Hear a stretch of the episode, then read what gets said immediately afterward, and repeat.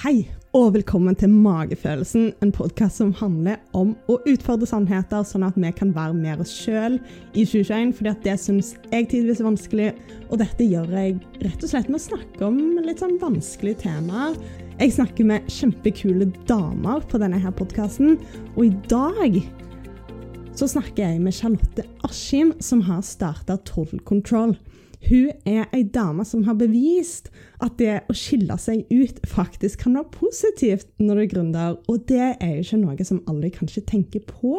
Hun har tatoveringer, hun har piercinger, hun er dame, og hun farger faktisk håret blått for å bli lagt merke til, rett og slett. Så dette her er faktisk noe som hun har gjort for businessen sin, og ikke til tross for, og det syns jeg er utrolig kult. Så vi snakker selvfølgelig om det å tørre å skille seg ut og velge den veien som er rett for seg sjøl, og hvordan magefølelsen faktisk kjennes ut. Det å føle at det du gjør, betyr noe, og gjør at du har det bra, rett og slett. Charlotte har starta Total Control med sin businesspartner, og de tar tak i en problemstilling som jeg syns er så viktig, og det er matsvinn. De hjelper privatpersoner og bedrifter med å redusere matsvinnet sitt. De viser hvordan dette her både er lønnsomt, både fordi at det, det, koster penger å kjøpe en råvarer, men òg fordi at de sparer så enormt mye tid. Og det er en forretningsidé som jeg virkelig, virkelig står bak. fordi at vi vet ikke helt tallene, men vi kaster mellom én til to tredjedeler av all mat som produseres her i Norge, og det er altfor mye. Så her er det mye å ta tak i. God lut! Hva tenker du at er visjonen i utgangspunktet så tenkte jeg jo egentlig norsk. Ja.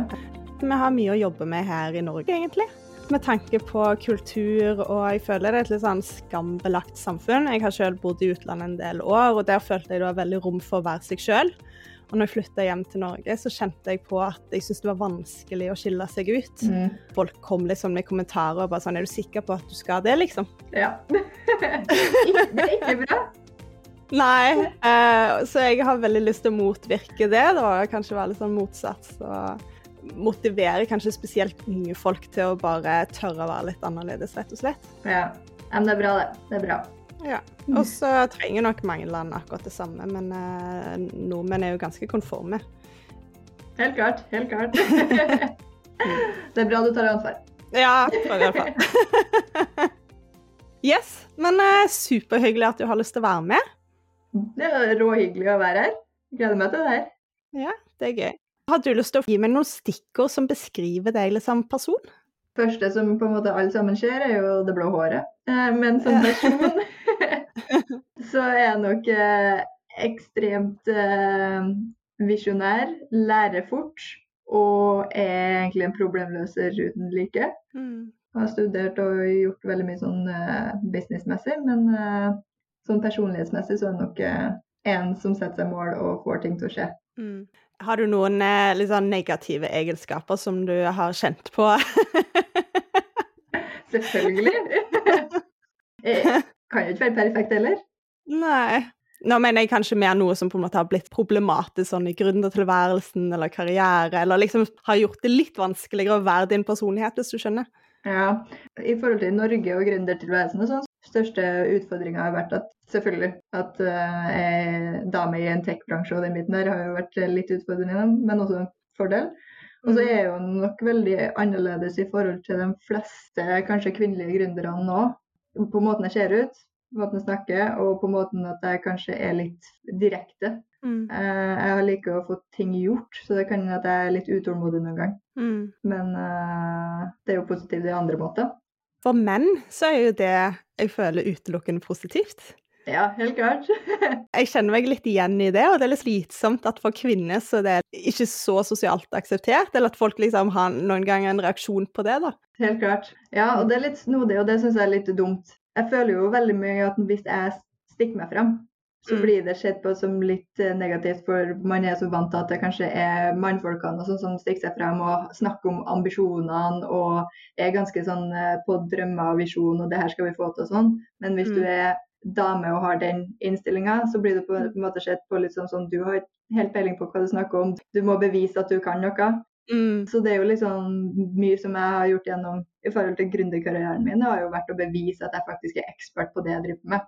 Og liksom Mm. bygge opp kredibiliteten, sånn at folk tar meg alvorlig. Fordi ung, dame, blått hår, piercing, tatoveringer. Du må bevise at du faktisk har, har noe i businessverdenen å gjøre.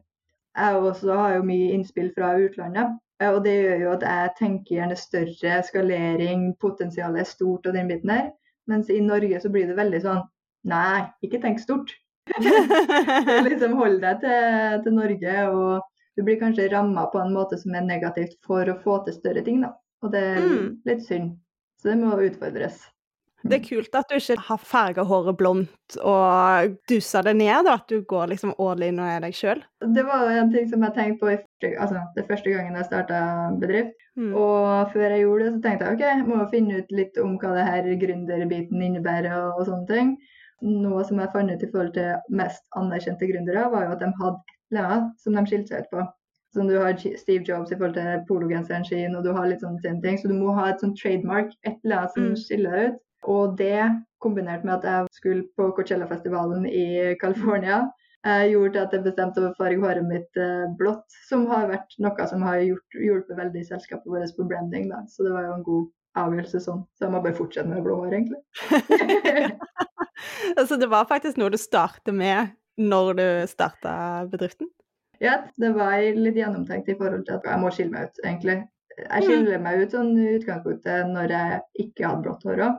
Men eh, jeg visste at jeg måtte jo sikre at jeg blir lagt merke til. Mm. Eh, og spesielt med tanke på at eh, jeg skulle jobbe innenfor tech-industrien, hvor det var masse mannfolk og sånn. Og hvis du ser damer, så er det gjerne noen bl med blondt hår, og de ser ganske like ut. Så du må sikre at de husker deg for noen ting, og det er veldig sjelden at folk husker navnet ditt. Så da kan de huske meg for hun med blått hår istedenfor.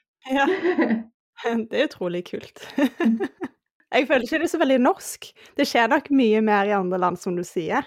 At folk liksom tør å, å gjøre sånt, da. Hva er du mest stolt over å ha utretta? Helt klart at vi har sysselsatt så mange folk som vi har gjort. Jeg er veldig stolt over å kunne si at jeg har hjulpet folk å få jobb, og hadde jo også jobb under en pandemi. Og at vi har økt antallet ansatte i en pandemi, har jo vært eh, noe som jeg er veldig stolt over. I tillegg så er jeg jo sånn personlig stolt over at jeg får til det jeg setter meg mål til å gjøre. da. Sånn På den businessmessige sida så er det nok at jeg hjelper folk. Ikke bare med, med penger, men også med, med en, kanskje en bedre livsstil og livskvalitet. Og få folk ut i arbeidslivet som kanskje ikke har hatt de mulighetene. Mm, det er jo veldig bra. Hvor mange er dere blitt nå? Nå er vi blitt eh, 24 stykker. Før vi forlater det spørsmålet, så må jeg jo si at jeg er ekstremt stolt over alt resultatet vi har fått til hos kundene våre. da. At Mm. faktisk kundene våre får nytte av det vi produserer av løsninger. Så Mm. det er artig å se. Ja, jeg syns det er kjempegøy. Nå skal vi gå litt mer inn på hva dere gjør om et par spørsmål. Men jeg har jobbet både i restaurantbransjen og, og i butikk, så det føltes veldig godt ut når jeg hørte om dere. Ja, men Så bra. Du har kjent på smerten. Jeg har faktisk det.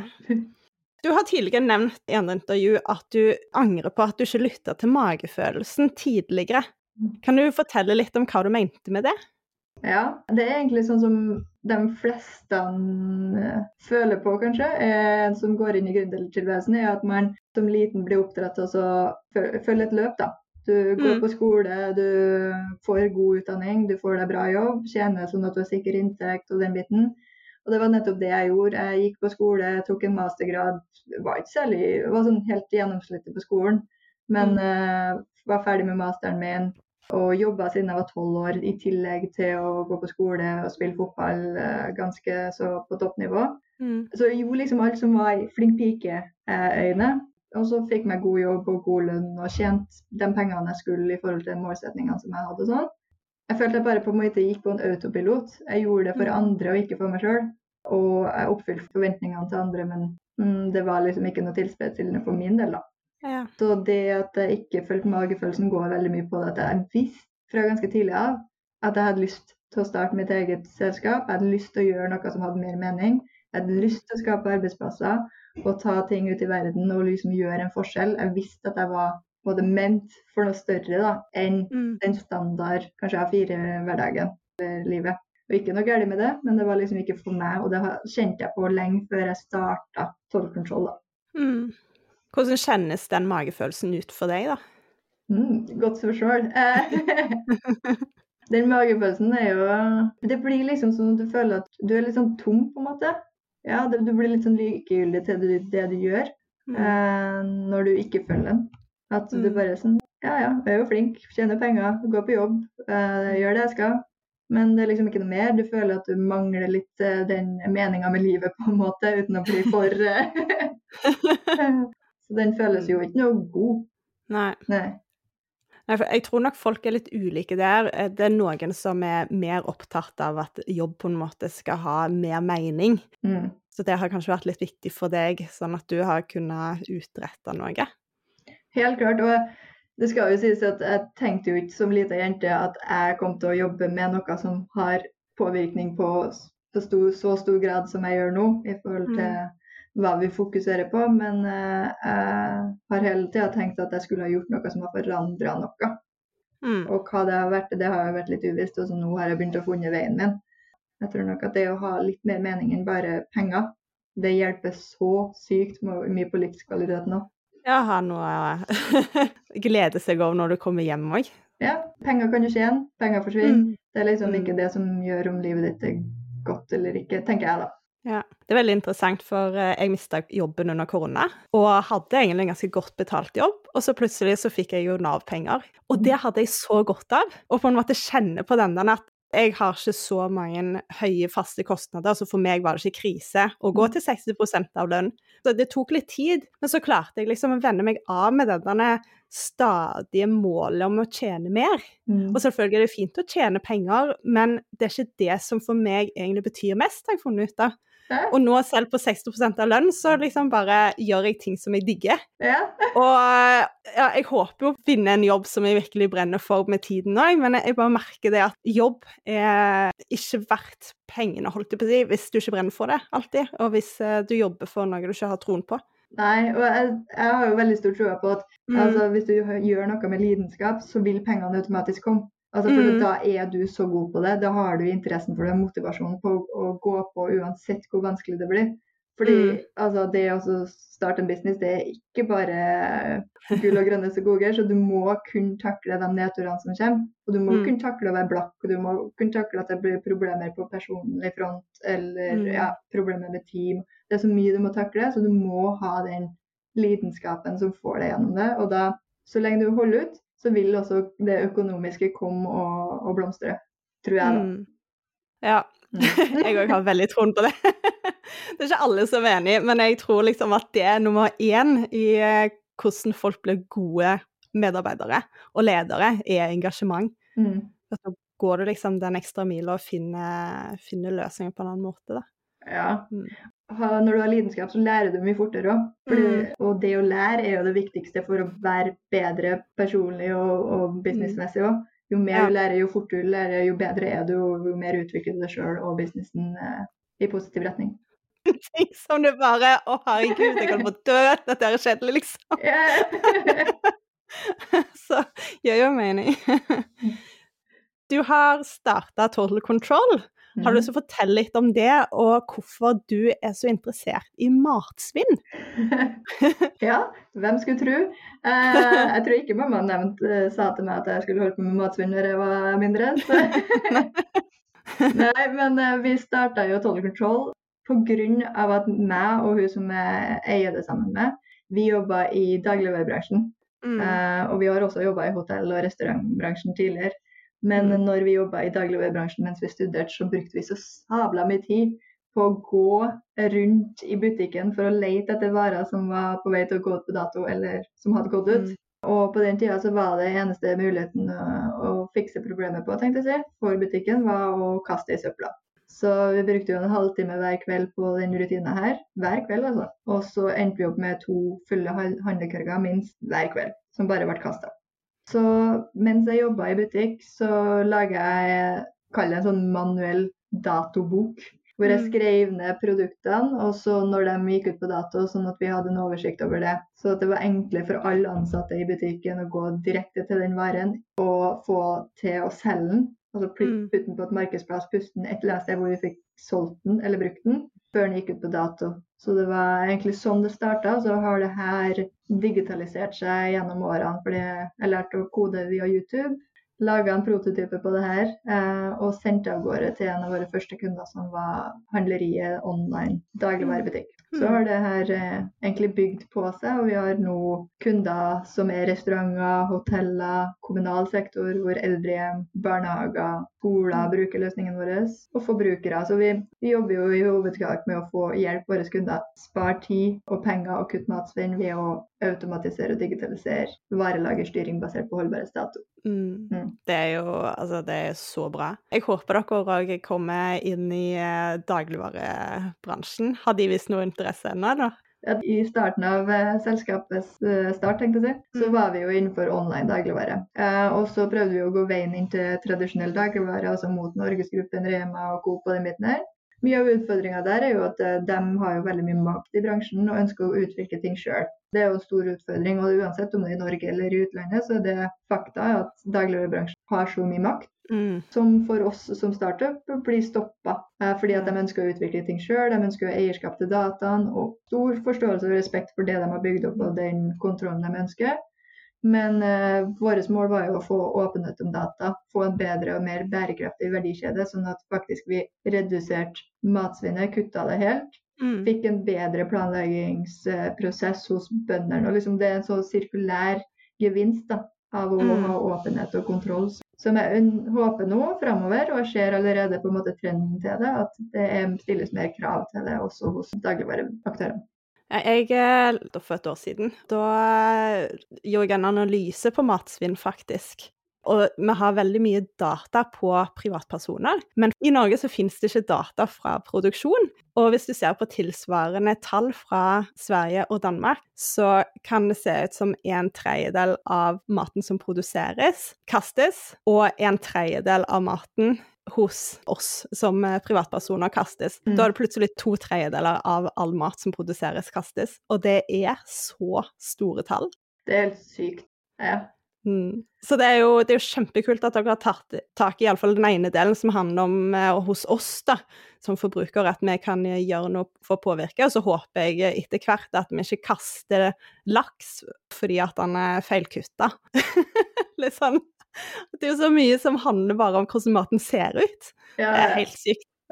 det, nei, det er sånn som du sier, tallene er jo helt enorm, Og liksom det at vi kaster så mye mat, det er jo fordi altså, vi har for mye penger. Vi er et bruk-og-kast-system, og det er så mye i bransjen som er så tradisjonelt. Det er så, så mye som gjøres manuelt. Og det er jo en stor fascinasjon av å lære så mye om matindustrien og matsvinn generelt, at du får jo se at alt gjøres jo som om det skulle ha vært for 100 år siden.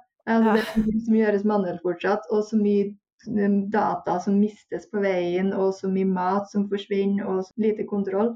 Ja, det er veldig overraskende, men også masse mulighetsrom for å gjøre noe fornuftig innenfor det. da. Så det bør Mm. jo bare Jeg oppfordrer alle til å starte noen bedrifter innenfor matindustrien, for det er mer enn nok å ta tak i. Ja, det var egentlig det som var poenget mitt. Det er liksom hårreisende når du begynner å kikke på det. Bare sånn Hvordan verden er det vi lever i? Ja. Hvordan ble det sånn som dette? Vi produserer ting, og så kaster vi det. Ikke bra, ikke bra. Nei. Det er en del ting som noen ganger du angrer litt på at du gikk inn og kikka på, for at uh, tallene er så forferdelige. og jeg òg er litt sånn som deg, som har veldig lyst til å fikse ting. Og så bare Hvordan skal jeg? Jeg tror nok det som blir viktig framover nå, er helt klart å få mer bevissthet rundt det. fordi vi er jo kanskje litt mer som nerder på matsvinn, fordi vi har vært borti det på, på, på, på sånne forhold. Men det er jo så sykt mange som ikke vet hvor stort problem det er. Vi kaster Mm. så mye mat, og matsvinn produserer jo eh, altså Hvis du ser på CO2-utslipp, så produserer matsvinn nok metangass, og det er jo 25 ganger mer skadelig enn CO2. Så det i forhold til miljøet, så er jo matsvinn helt klart verstingen. Eh, Du kan argumentere i forhold til plast og alt mulig rart, men matsvinn slår ut alt. Eh, eh, Mm. Så hvis du tar tak og bare begynner å spise opp maten din, eller gir det til noen som trenger det, så gjør du mye for verden, altså. Det var faktisk herlig. Jeg bor i et borettslag i Oslo, og så skulle vi på ferie før jul. Og så hadde jeg en del matvarer i kjøleskapet, så har vi en sånn felles Facebook-gruppe. Så da skrev jeg bare 'Hei, har noen grønnsaker liggende hvis noen har lyst på, har ikke lyst til å kaste'. Og så var jeg litt sånn 'Å, jeg hater å kaste mat', og var litt flau egentlig for at jeg skrev dette her. og lurte på om noen ville ha. Men det var fem personer som svarte bare 'Å, så bra!' liksom. Jeg òg hater å kaste mat. og ja, ja, vi skal spise det, liksom. Så det er mange måter å gjøre det på. Å, så bra. Det varmer hjertet. jeg kaster veldig sjelden mat. Det var sånn, når jeg fikk samboer, så var det en sånn ting som jeg var veldig sånn Nå må jeg trå litt forsiktig, fordi at jeg planlegger uker veldig for å spise opp maten i kjøleskapet. Men jeg tror ikke alle er vant til det. Jeg tror det er veldig mange som spiser det de har lyst på. Men da er det jo masse mat som ofte går til spill. Ja, og så er det liksom sånn det som vi har lært etter hvert, at du må passe på at du ikke gir altså at du ikke går rundt med pekefingeren. Du må på en måte gi mm. en hjelpende hånd. Det her er det du kan gjøre for å bli bedre, for å spare penger, for å spare miljøet. Det er liksom, ja. Mm. Veldig mye som kan gjøres. Små grep gjør en stor forskjell. Å, så veldig. Hvordan klarte dere å konseptualisere ideen og faktisk nå ut til folk og overbevise om at dette her var noe de hadde behov for? Det er jo alltids vanskelig. Matsvinn har jo egentlig vært et relativt nytt problem. Folk har ikke visst om så mye om det tidligere. Og sånn som du nevnte tidligere, at det har vært veldig dårlig med kartlegging av matsvinn. Så det har jo gjort at ingen har visst hvor stort omfang selve problemet er. Så når vi eh, først begynte selskapet, så var det jo pga. at vi hadde det som en egen smerte. Vi laga en løsning for oss sjøl. Og så fant vi ut etter hvert at det var flere bedrifter og forbrukere som hadde samme problemet. Måten vi har gått frem på, er at vi har jobba sammen med kundene våre for å lage en løsning som er tilpassa eh, deres hverdag. Og da har vi hatt veldig mye fokus på ok, eh, hva er rotårsaken til matsvinn. Eh, og i stor del så var det mangel på kontroll. Det var holdbarhetsdatoen. De eh, måtte fysisk sjekke på melka uh, når den gikk mm. ut. Det var ikke noe digital oversikt over det og det midten der. Og da, siden vi var mer på den tekniske sida, da valgte vi også å utfordre dem på å lage en teknisk løsning for å se om det sparte dem for tid, kutta kostnadene deres, men også forebygde at matsvinn skjedde. Og mm. når vi gjorde det med førstekunden vår, så hadde vi på en måte bevist at vi fikk det til. Og da var det relativt greit å gå ut til andre kunder og si hei, vi kan spare dere tid, penger, og vi kan forebygge at dere mat, kutter matsvinn. Så um, det er liksom at vi måtte bevise det. Eh, vi måtte kjøre en sånn fokusgruppe, tenkte jeg si, en kunde hvor vi beviste en, en, case study for at det ha, skulle ha skikkelig kredibilitet til de andre som vi, vi gikk ut til. Det handla om å få med den første som liksom var interessert i å sette seg ned og dedikere litt mer tid enn kanskje de andre gjorde etter hvert, eller? Ja, helt klart. Det viktigste vi fant ut, var jo at folk var jo interessert i å spare penger. Altså mm. matsvinn var alltid nummer to, altså secondary, mm. i forhold til, til, hva de måtte rapportere på, hva som var fokuset. Så hvis du er en bedrift eller en forbruker, eh, så er du jo bekymra for lommeboka di. Så vi måtte jo begynne å fokusere kommunikasjonen vår mer på at ok, vi kan hjelpe dere å spare penger og tid. Mm. Uh, og hvis vi sparer deg tid, så sparer vi automatisk penger. Og så mm. i tillegg så hjelper vi deg med matsvinnbiten, fordi hvis du kaster mindre, så sparer du penger. Så det er liksom å sette inn kommunikativ, eh, forståelig måte til, til aktørene vi gikk imot. Ja. Mm. Ja, det, altså det gjelder alt. Går alltid til finans. Sant. Sånn, vi var jo fra starten av kanskje branda mer sånn impact, matsvinn. Og det fant vi ganske fort ut at ja, men det, det er ingen som vil kjøpe. Det, det, liksom, det, holder ikke bare med det. da. Vi kan ikke, mm. fordi Det var jo også veldig mye fokus på at impact startuper tjener ikke penger, de tenker bare på impact. Og det, mm. der ville ikke vi være. Vi ville sikre at vi som bedrift var bærekraftige. Mm. Fordi det at vi er bærekraftige, gjør jo at vi kan skalere og bli større og hjelpe flere kunder og gjøre en større forskjell. Mm. Så vi har jo alltid hatt fokus på at vi skal ha kunde. Vi skal ha inntekter inn. Og så selvfølgelig fra starten på et hvilket som helst selskap, så må du på en måte nesten ta penger fordi at du må jo utvikle sammen med kunden og det løpet der. Men det er viktig at du, vi tester betalingsviljen da, til markedet vårt sånn som nevnt tidligere, at vi har jo prøvd forskjellige kundesegment. Vi har jo vært innenfor restaurant, hotell og dagligvare og, litt forskjellig. Og det er jo litt for å finne ut okay, hvor passer løsningen vår best. Hvem er det som mm. ønsker å betale for det her, og hvor er det impacten er størst. Så det er jo mm. sånn som vi har lært underveis, da, som vi begynner å bli bedre og bedre på. mm. Ja, men det er jo veldig bra. Jeg tror det er mange gründere som noen ganger sitter med en god idé, og så syns de det er vanskelig å ta seg betalt. Ja. Men som du sier, så oppnår du jo egentlig mest hvis du tar deg betalt, og det er ikke bærekraftig for noen å ikke skulle ha lønn. nei, nei. Fikk dere investorer i starten òg, eller var det kapital som dere henta via, via, salg? Nei, så det, var, det meste ble bootstrappa. Så jeg hadde egenkapital sjøl, som jeg hadde uh, sparepengene mine. Når jeg starta det her, så leste jeg Eller leste ikke, jeg er ikke så veldig glad i å lese. Jeg så på veldig mye filmer og hørte podkaster og lydbøker og den biten her. Uh, og da var det jo sånn standardtips at du må, når du starter med drift, ha x antall måneder med runway for å sikre mm. at du ikke økonomisk på privaten blir pressa. Eh, fordi da blir hodet ditt også pressa i forhold til fokus og forhold til verdi du kan skape for, for kunden og sånn. Så jeg hadde satt av penger, og så fikk vi litt tilskudd fra Innovasjon Norge. Så det var bra. Og så hadde vi jo sikra en kunde før vi helt tatt oppretta selskapet vårt. Mm. Så vi fikk jo inn noe inntjening der òg. Det var ikke mm. mye, det skal sies. Men de var jo med å utvikle sammen med oss, og vi er jo veldig takknemlige for det. Så det, i starten så var det mine egne penger og litt kundepenger og litt tilskuddspenger. Hvordan kjentes det når du investerte den gangen og bare sånn shit? Pengene har, mine, liksom? Eller, ja. Eh, eller, gikk det greit? det som var, var at jeg har jo en ekstremt, ganske sånn konservativ familie som er veldig opptatt av eh, Du må passe på at du har penger på konto, og du må passe på mm. at du har leilighet og alt mulig på stell. Mm. Eh, og mye av bekymringa var jo alltid at eh, jeg skulle ikke ha leiligheten min lenger, og ikke ha penger på konto, og ikke BSU og alt mulig rart, liksom.